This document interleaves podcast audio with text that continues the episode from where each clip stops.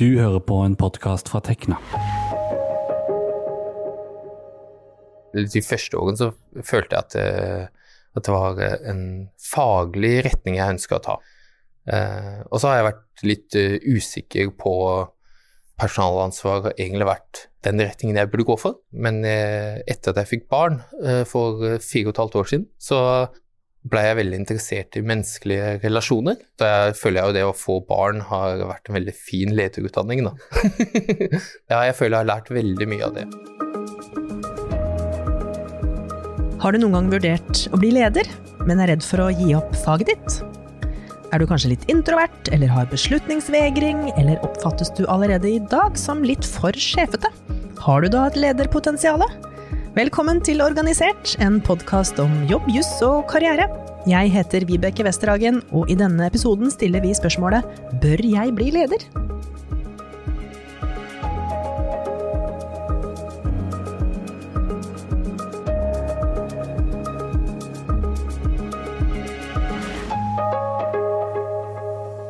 Med meg i studio har jeg som vanlig deg, Joakim eh, Nyquist, reporter. Um, og du har snakka litt med en ganske fersk leder, som vi skal eh, høre mer fra om litt. Ja, Morten har vært leder i omtrent et halvt år. Han var litt usikker på om det var riktig vei å gå, fordi han visste rett og slett ikke om han var en ledertype. Men som vi da hørte innledningsvis, endret det seg da han fikk barn. Og gjest i studio i dag, det er deg, Agnete Ellingsen. Hei. Hei. Mangeårig leder, forfatter, foredragsholder, karriere- og lederveileder. Og i tillegg så jobber du med Teknas eh, lederutviklingsprogram GILA. Velkommen skal du være. Tusen hjertelig takk. Du, kan du kort forklare for oss, hva mener du er det beste ved å være leder? Jeg elsker å jobbe sammen med mennesker, og ikke minst eh, skape det gode samspillet. Der vi klarer å utvikle hverandre, og ikke minst skape gode resultater, da skape vekst og utvikling. Ja, for jeg ønsker å snakke litt med deg om eh, hvem det er som blir ledere, og hvorfor det er så mange som synes det er attraktivt uh, å bli leder, og hvilke vurderinger du mener man bør gjøre før man forlater da, det som eh, er faget sitt, da, for å gå over til et nytt fag, nemlig ledelse.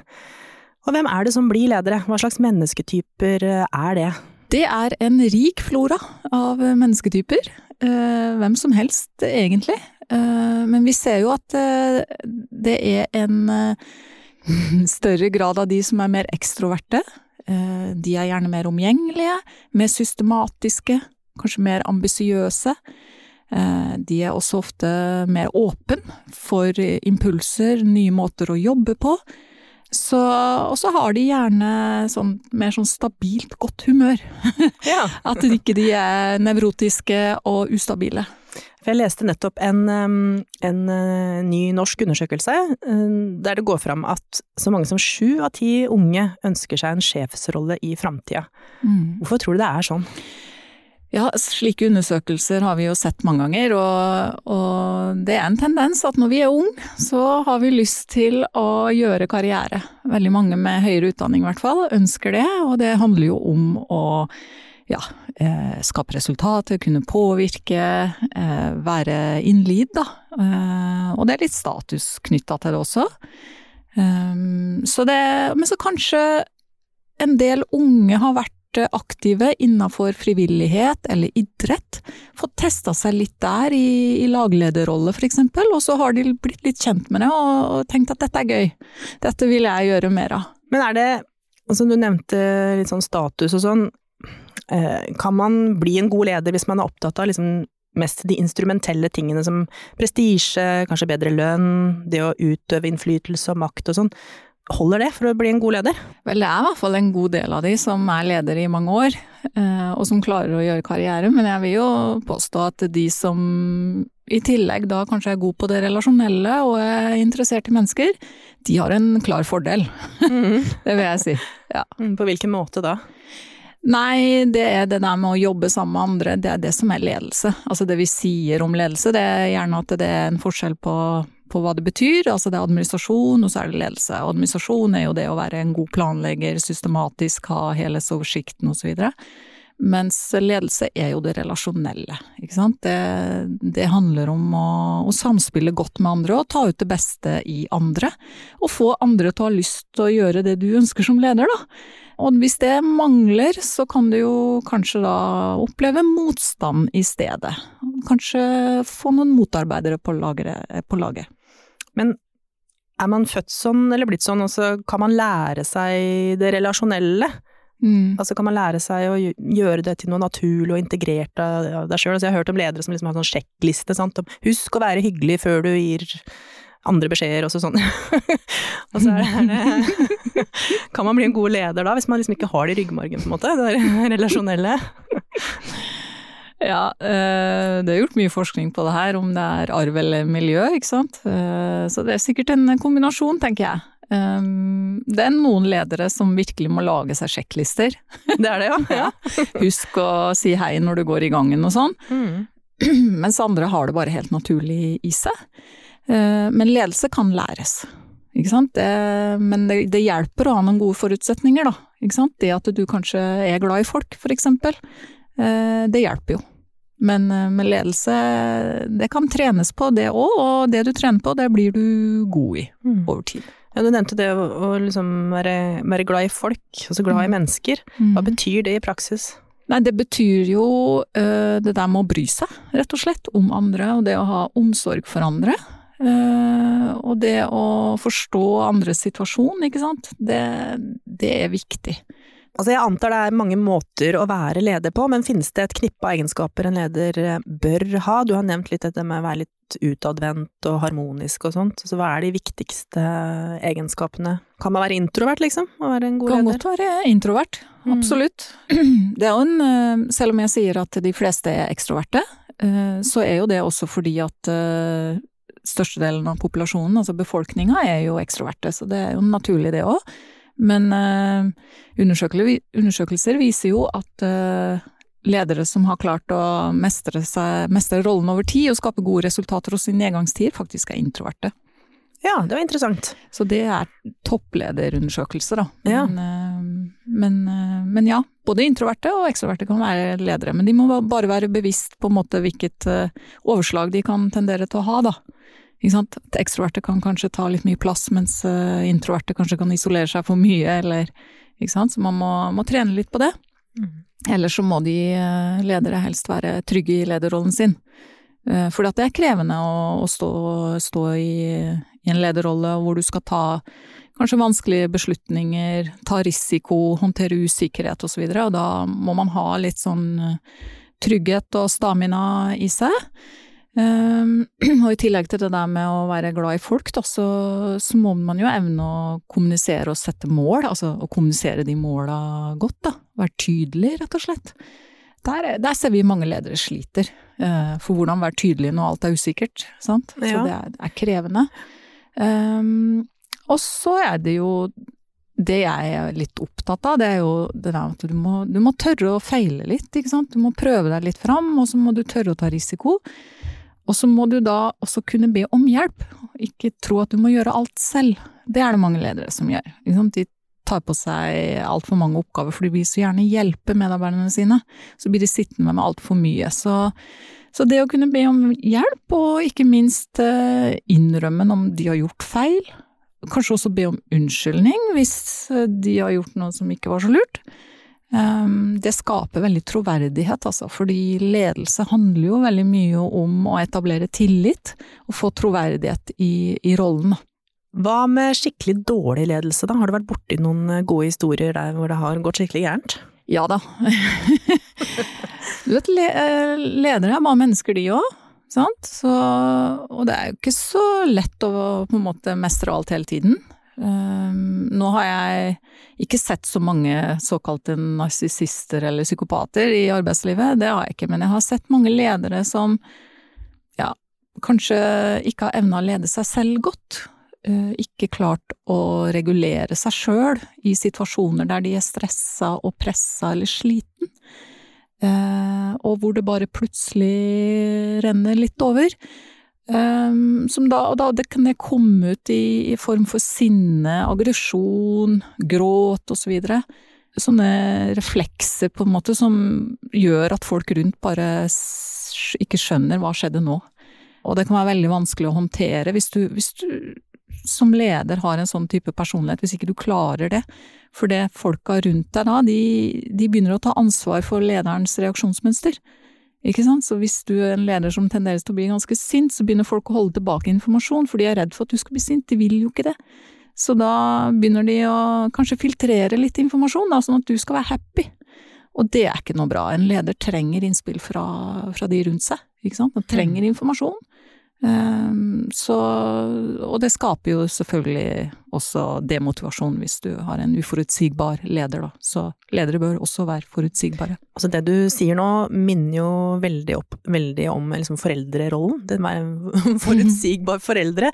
Og nå skal vi høre fra en ung og fersk leder som er veldig bevisst på sin eh, nye rolle på jobb. Joakim, hvem er det du har snakka med? Uh, jeg har snakket med en som heter Morten Haugen Blosternes. Uh, han er 35 år gammel, utdannet sivilingeniør fra NTNU. Eh, han har vært leder i EDR eh, e med DESO siden mai, der han leder en teknisk avdeling med tolv medarbeidere. Og Morten han ville i utgangspunktet fordype seg i faget sitt, det var det som var målet hans da han var ferdig på skolen. Men så endte han da opp på lederveien på samme måte som sikkert uh, veldig mange andre gjør. Min sjef uh, skulle flyttes opp og få en litt, uh, litt annen stilling, og da blei jeg spurt om jeg ønsker å ta den, ta den rollen. Så det var rett og slett sånn, du ble bare, ble bare spurt, rett og slett? Ja, men har, det skal sies at jeg har jo tidligere sagt at jeg er interessert i en sånn type rolle, da. Um, de første årene så følte jeg at det, at det var en faglig retning jeg ønska å ta. Jeg har ikke sett meg som en ledertype, da, egentlig. Men eh, etter at jeg fikk barn eh, for fire og et halvt år siden, så ble jeg veldig interessert i menneskelige relasjoner. Eh, og så har jeg blitt mer og mer interessert i personalansvar. Eh, og da har jeg nevnt det i medarbeidssamtaler, at det kunne være interessant. Så du trekker litt på erfaringene fra det å være far eh, og inn i en lederstilling på et vis? Det å få barn har vært en veldig fin lederutdanning, da.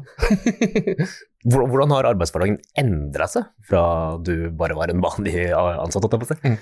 Jeg har jobba her siden jeg øh, var ferdig på skolen, og det var i 2010. Så jeg jobba ni år som teknisk konsulent. Eh, det vil si jeg jobba mye på prosjekter. Eh, nå har det endra seg eh, veldig mye. Nå er det være tilgjengelig for de i gruppa, være på pulsen, ha oversikten, hjelpe med å prioritere oppgaver for dem og, og, delegere oppgaver som kommer inn eh, enten fra dem eller fra, fra salgsteamet vårt. Hvilke erfaringer har du gjort, rukket å gjøre deg på, som leder på, på den uh, forholdsvis korte tida? Jeg har vært leder siden mai, så det er enig i at det er forholdsvis kort. Du må bare prøve å være en svamp, fordi det det er noe med at du har veldig mange flinke folk rundt deg hele tiden. Eh, andre som er dine nærmeste ledere, som du kan eh, spare med og hjelpe deg. Eh, så du sitter aldri aleine. Selv om du er ny i rollen, så kan du bare prøve å få hjelp av de ressursene rundt deg. Da. Tilbakemeldinger er en, er en, gave. Tidligere kunne jeg ta det som eh, ta det personlig, da. Eh, mens nå ser jeg at nå ønsker jeg å bygge opp en relasjon i gruppa som gjør at faktisk folk kommer med tilbakemeldinger. Eh, fordi det er eh, veldig viktig. Eh, og det gjør at vi kan videreutvikle oss som, som team, da. Ikke sant? Hva slags leder ønsker du å være, eller ønsker du, ønsker du å bli? Altså hvilke verdier er det som er viktige for deg som leder?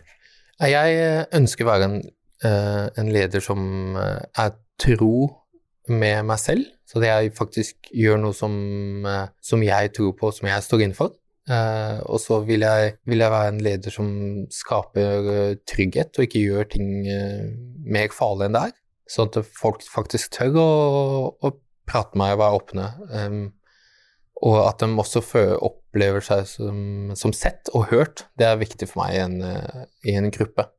Og så vil jeg være nysgjerrig. Og, og ikke, ikke, anta ting på egen hånd, men å faktisk uh, inkludere de i gruppa og hjelpe dem.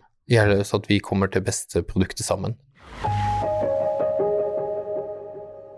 Ja, her hører vi at um, Morten han har blitt rekruttert internt i bedriften, uten spesielt mye ledererfaring fra før. Agnete, er dette en vanlig måte å få seg en lederjobb på? Ja, det er uh, den mest vanlige måten å få sin aller første lederjobb på, vil jeg si. Uh, det er mye enklere så, enn å gå ut eksternt og prøve å søke når du ikke har erfaring. Virksomheter vil gjerne se at du har testa dette før. Mm. ja.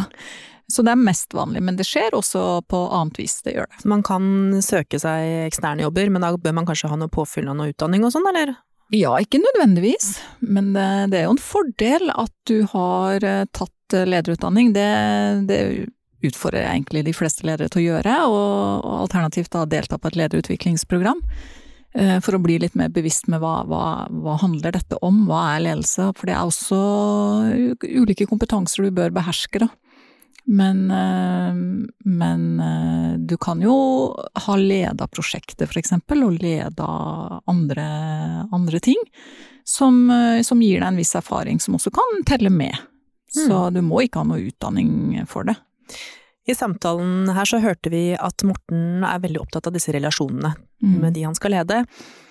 Og jeg syns det er veldig interessant dette med hvordan kan man få noen til å ønske å bli ledet av liksom nettopp meg? Hvordan får man noen til å liksom følge seg? Det, det, handler jo om å få disse følgerne, da, som er så populært å si, ikke sant. Eh, og ikke disse motarbeiderne. Men det handler om å etablere tillit, og det gjør du egentlig med å, å skape motivasjon. Altså sørge for at folk er motiverte. Det å kunne formidle mening, altså skape mening med det de skal gjøre. Og det at de føler seg sett og hørt, som Morten sier, ikke sant, og, og er en del av fellesskapet. Eh, det at de får lov til å utvikle seg, at de får oppgaver som de mestrer, sant? som en sånn god balanse mellom kompetansen du har og, og, og kompleksiteten i, i oppgaven. Så, så, det handler jo veldig mye om, om, å se folk, ikke sant, og, og gjøre det som skal til, eh, motivasjonsmessig. Det er noen som motiveres veldig av uh, insentivsordninger og, og, sånt. Bonuser og kopier og, og den type ting. Uh, men så er det andre som overhodet ikke klarer å forholde seg til det. det er, folk er forskjellige. Ja, så vi er forskjellige. Mm. Men når man går fra å jobbe med et fag, som jo de fleste Tekna-medlemmer iallfall gjør, altså høyt kompetente mennesker som har, uh, har et fag de har veldig nært forhold til, hvordan er det å gå fra det til å få ledelse som fag? Hvor vanlig er det da å oppleve litt sånn identitetskrise, liksom, eh, knytta til å gi fra seg noe som kanskje har vært en stor del av personligheten din? Har du noen erfaringer der? Ja, det er jo noen som opplever litt sånn småkrise på det, og tenker nei, dette var ikke det jeg trodde det var, eh, og som gjerne vil tilbake til faget sitt. Eh, men så er det gjerne sånn at uh, i arbeidslivet så har vi veldig mange ulike roller gjennom en, karriere, kan du si.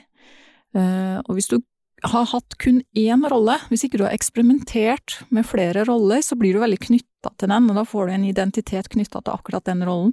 Men jo flere roller du har, jo mindre knytta blir du til de ulike, og da er det lettere for deg å tilpasse deg. Ehm, så det er liksom viktig å tenke på. Eh, det andre er jo at eh, du vet jo ikke før du har prøvd, da. Det er noe med Du tror gjerne at du har en interesse for noe, ikke sant? Eh, mens, og det har dere sikkert erfart, dere også, at så tester du det ut, og så finner du ut at det var egentlig ikke så veldig artig, eller du får nye interesser når du tester noe ut, ikke sant. Så du, du må eksperimentere litt. Rann.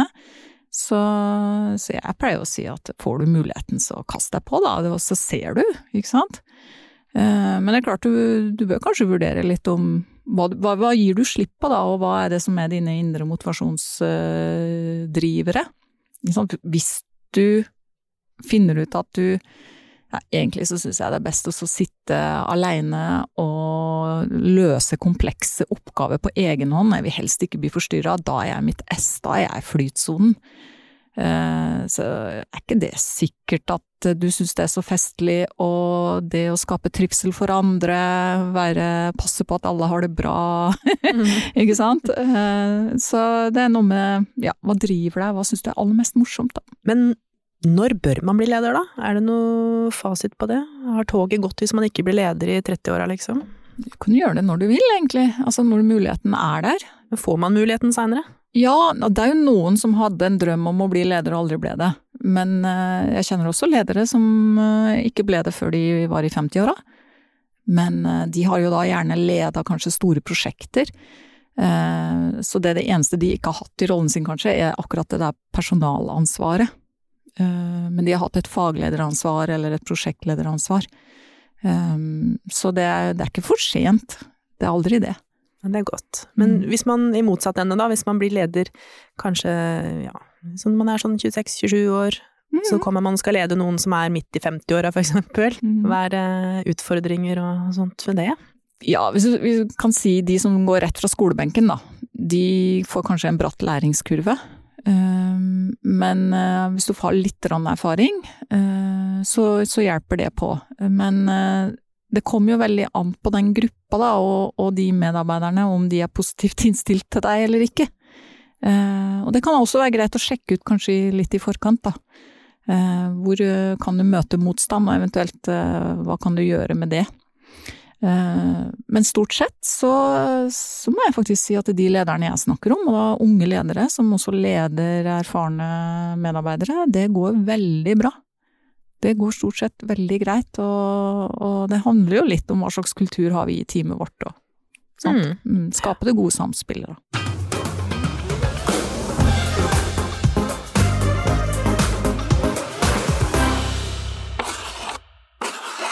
Heng med videre, og få med deg Agnetes eh, oppsummering til sist. Men nå har vi kommet over på vår spalte To streker under svaret, der du som lytter får mulighet til å stille spørsmål til Teknas eh, juridiske kontor. Vi har jo et stort knippe jurister og advokater som hjelper medlemmene våre, og har du et spørsmål flere kan ha nytte av å vite svaret på, ikke brenn inne med det, med det men send det til podkast krøllalfatekna.no. Og i dag er det deg, advokat og forhandlingssjef Kari Tønnesen Nordli, som skal få lov til å svare på spørsmål. Velkommen i studio. Takk skal du ha. Um, og i dag så handler eh, spørsmålet om feriedager. Jeg eh, klarer ikke å bruke opp feriedagene mine. Kan jeg overføre dem til neste år, og i så fall hvor mange? Du kan overføre alle feriedagene til året etter. Alle feriedager du ikke har avviklet skal overføres til året etter. Rett og slett, selv om det er veldig mange av dem, liksom. Ja, øh, og det henger sammen med at arbeidsgiver har plikt til å sørge for at du får tatt ferien din i ferieåret, og hvis øh, arbeidsgiver ikke har gjort det, så skal alle feriedager overføres til året etter.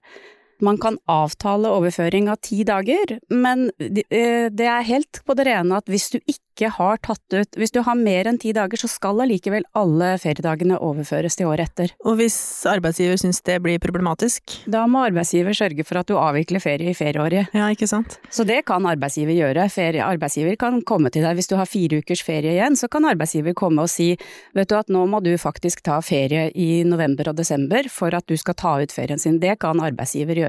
Ja, nettopp. Så det kan ikke være sånn at eh, jeg har lyst på en kjempelang reise neste år, så jeg vil overføre to uker. Ja, altså man kan bli enige om det, men, øh, men øh, hvis arbeidsgiver ønsker at du skal ta ut ferie i ferieåret, og det kan arbeidsgiver gjøre, så, så kan arbeidsgiver pålegge deg å ta ut resten av ferien i ferieåret. Tusen takk. Det var to streker under svaret.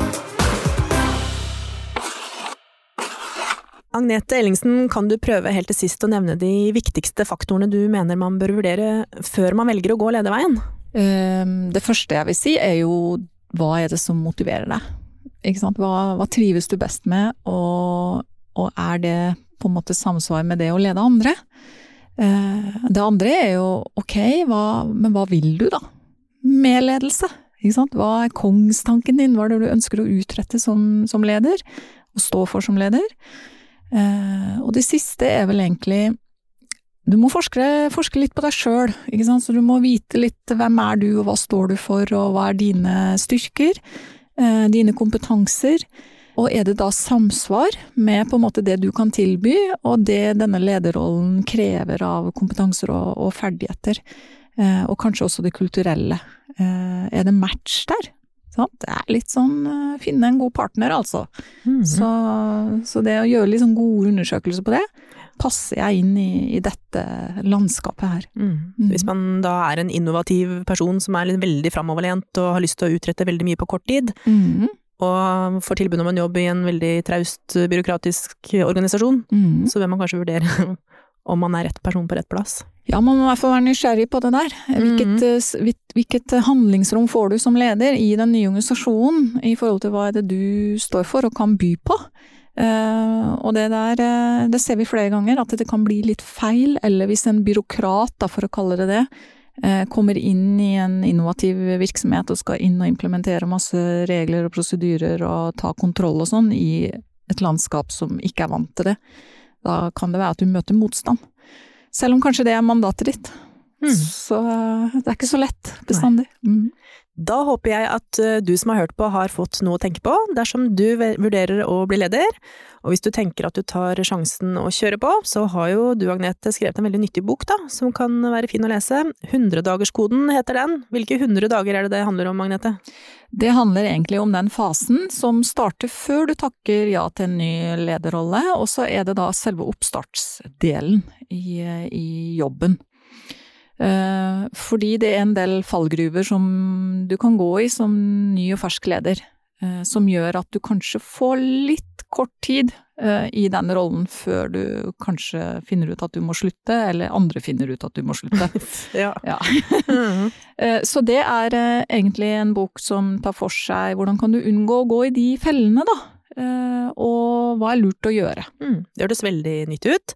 I tillegg så har jo Tekna veldig mange ulike typer lederkurs. Vi har eh, alt fra sånn dagskurs, eh, som for eksempel fra fagekspert til suksessfull leder, eller hvordan lede uten formelt personalansvar, vi har frokostmøter om ledelse der du kan få inspirasjon til jobben din, vi har store og små prosjektlederkurs, og så har vi Gila, da, som er det som Agnete jobber med, og som er et stort lederutviklingsprogram der du blir bevisst eh, din lederstil og får styrka de relasjonelle ferdighetene dine, og praktisk veiledning fra Agnete med flere.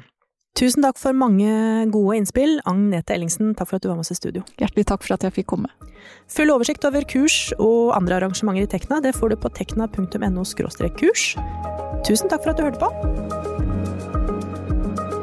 Dette har vært en podkast fra Tekna en fagforening for deg med mastergrad i naturvitenskap, realfag eller teknologi.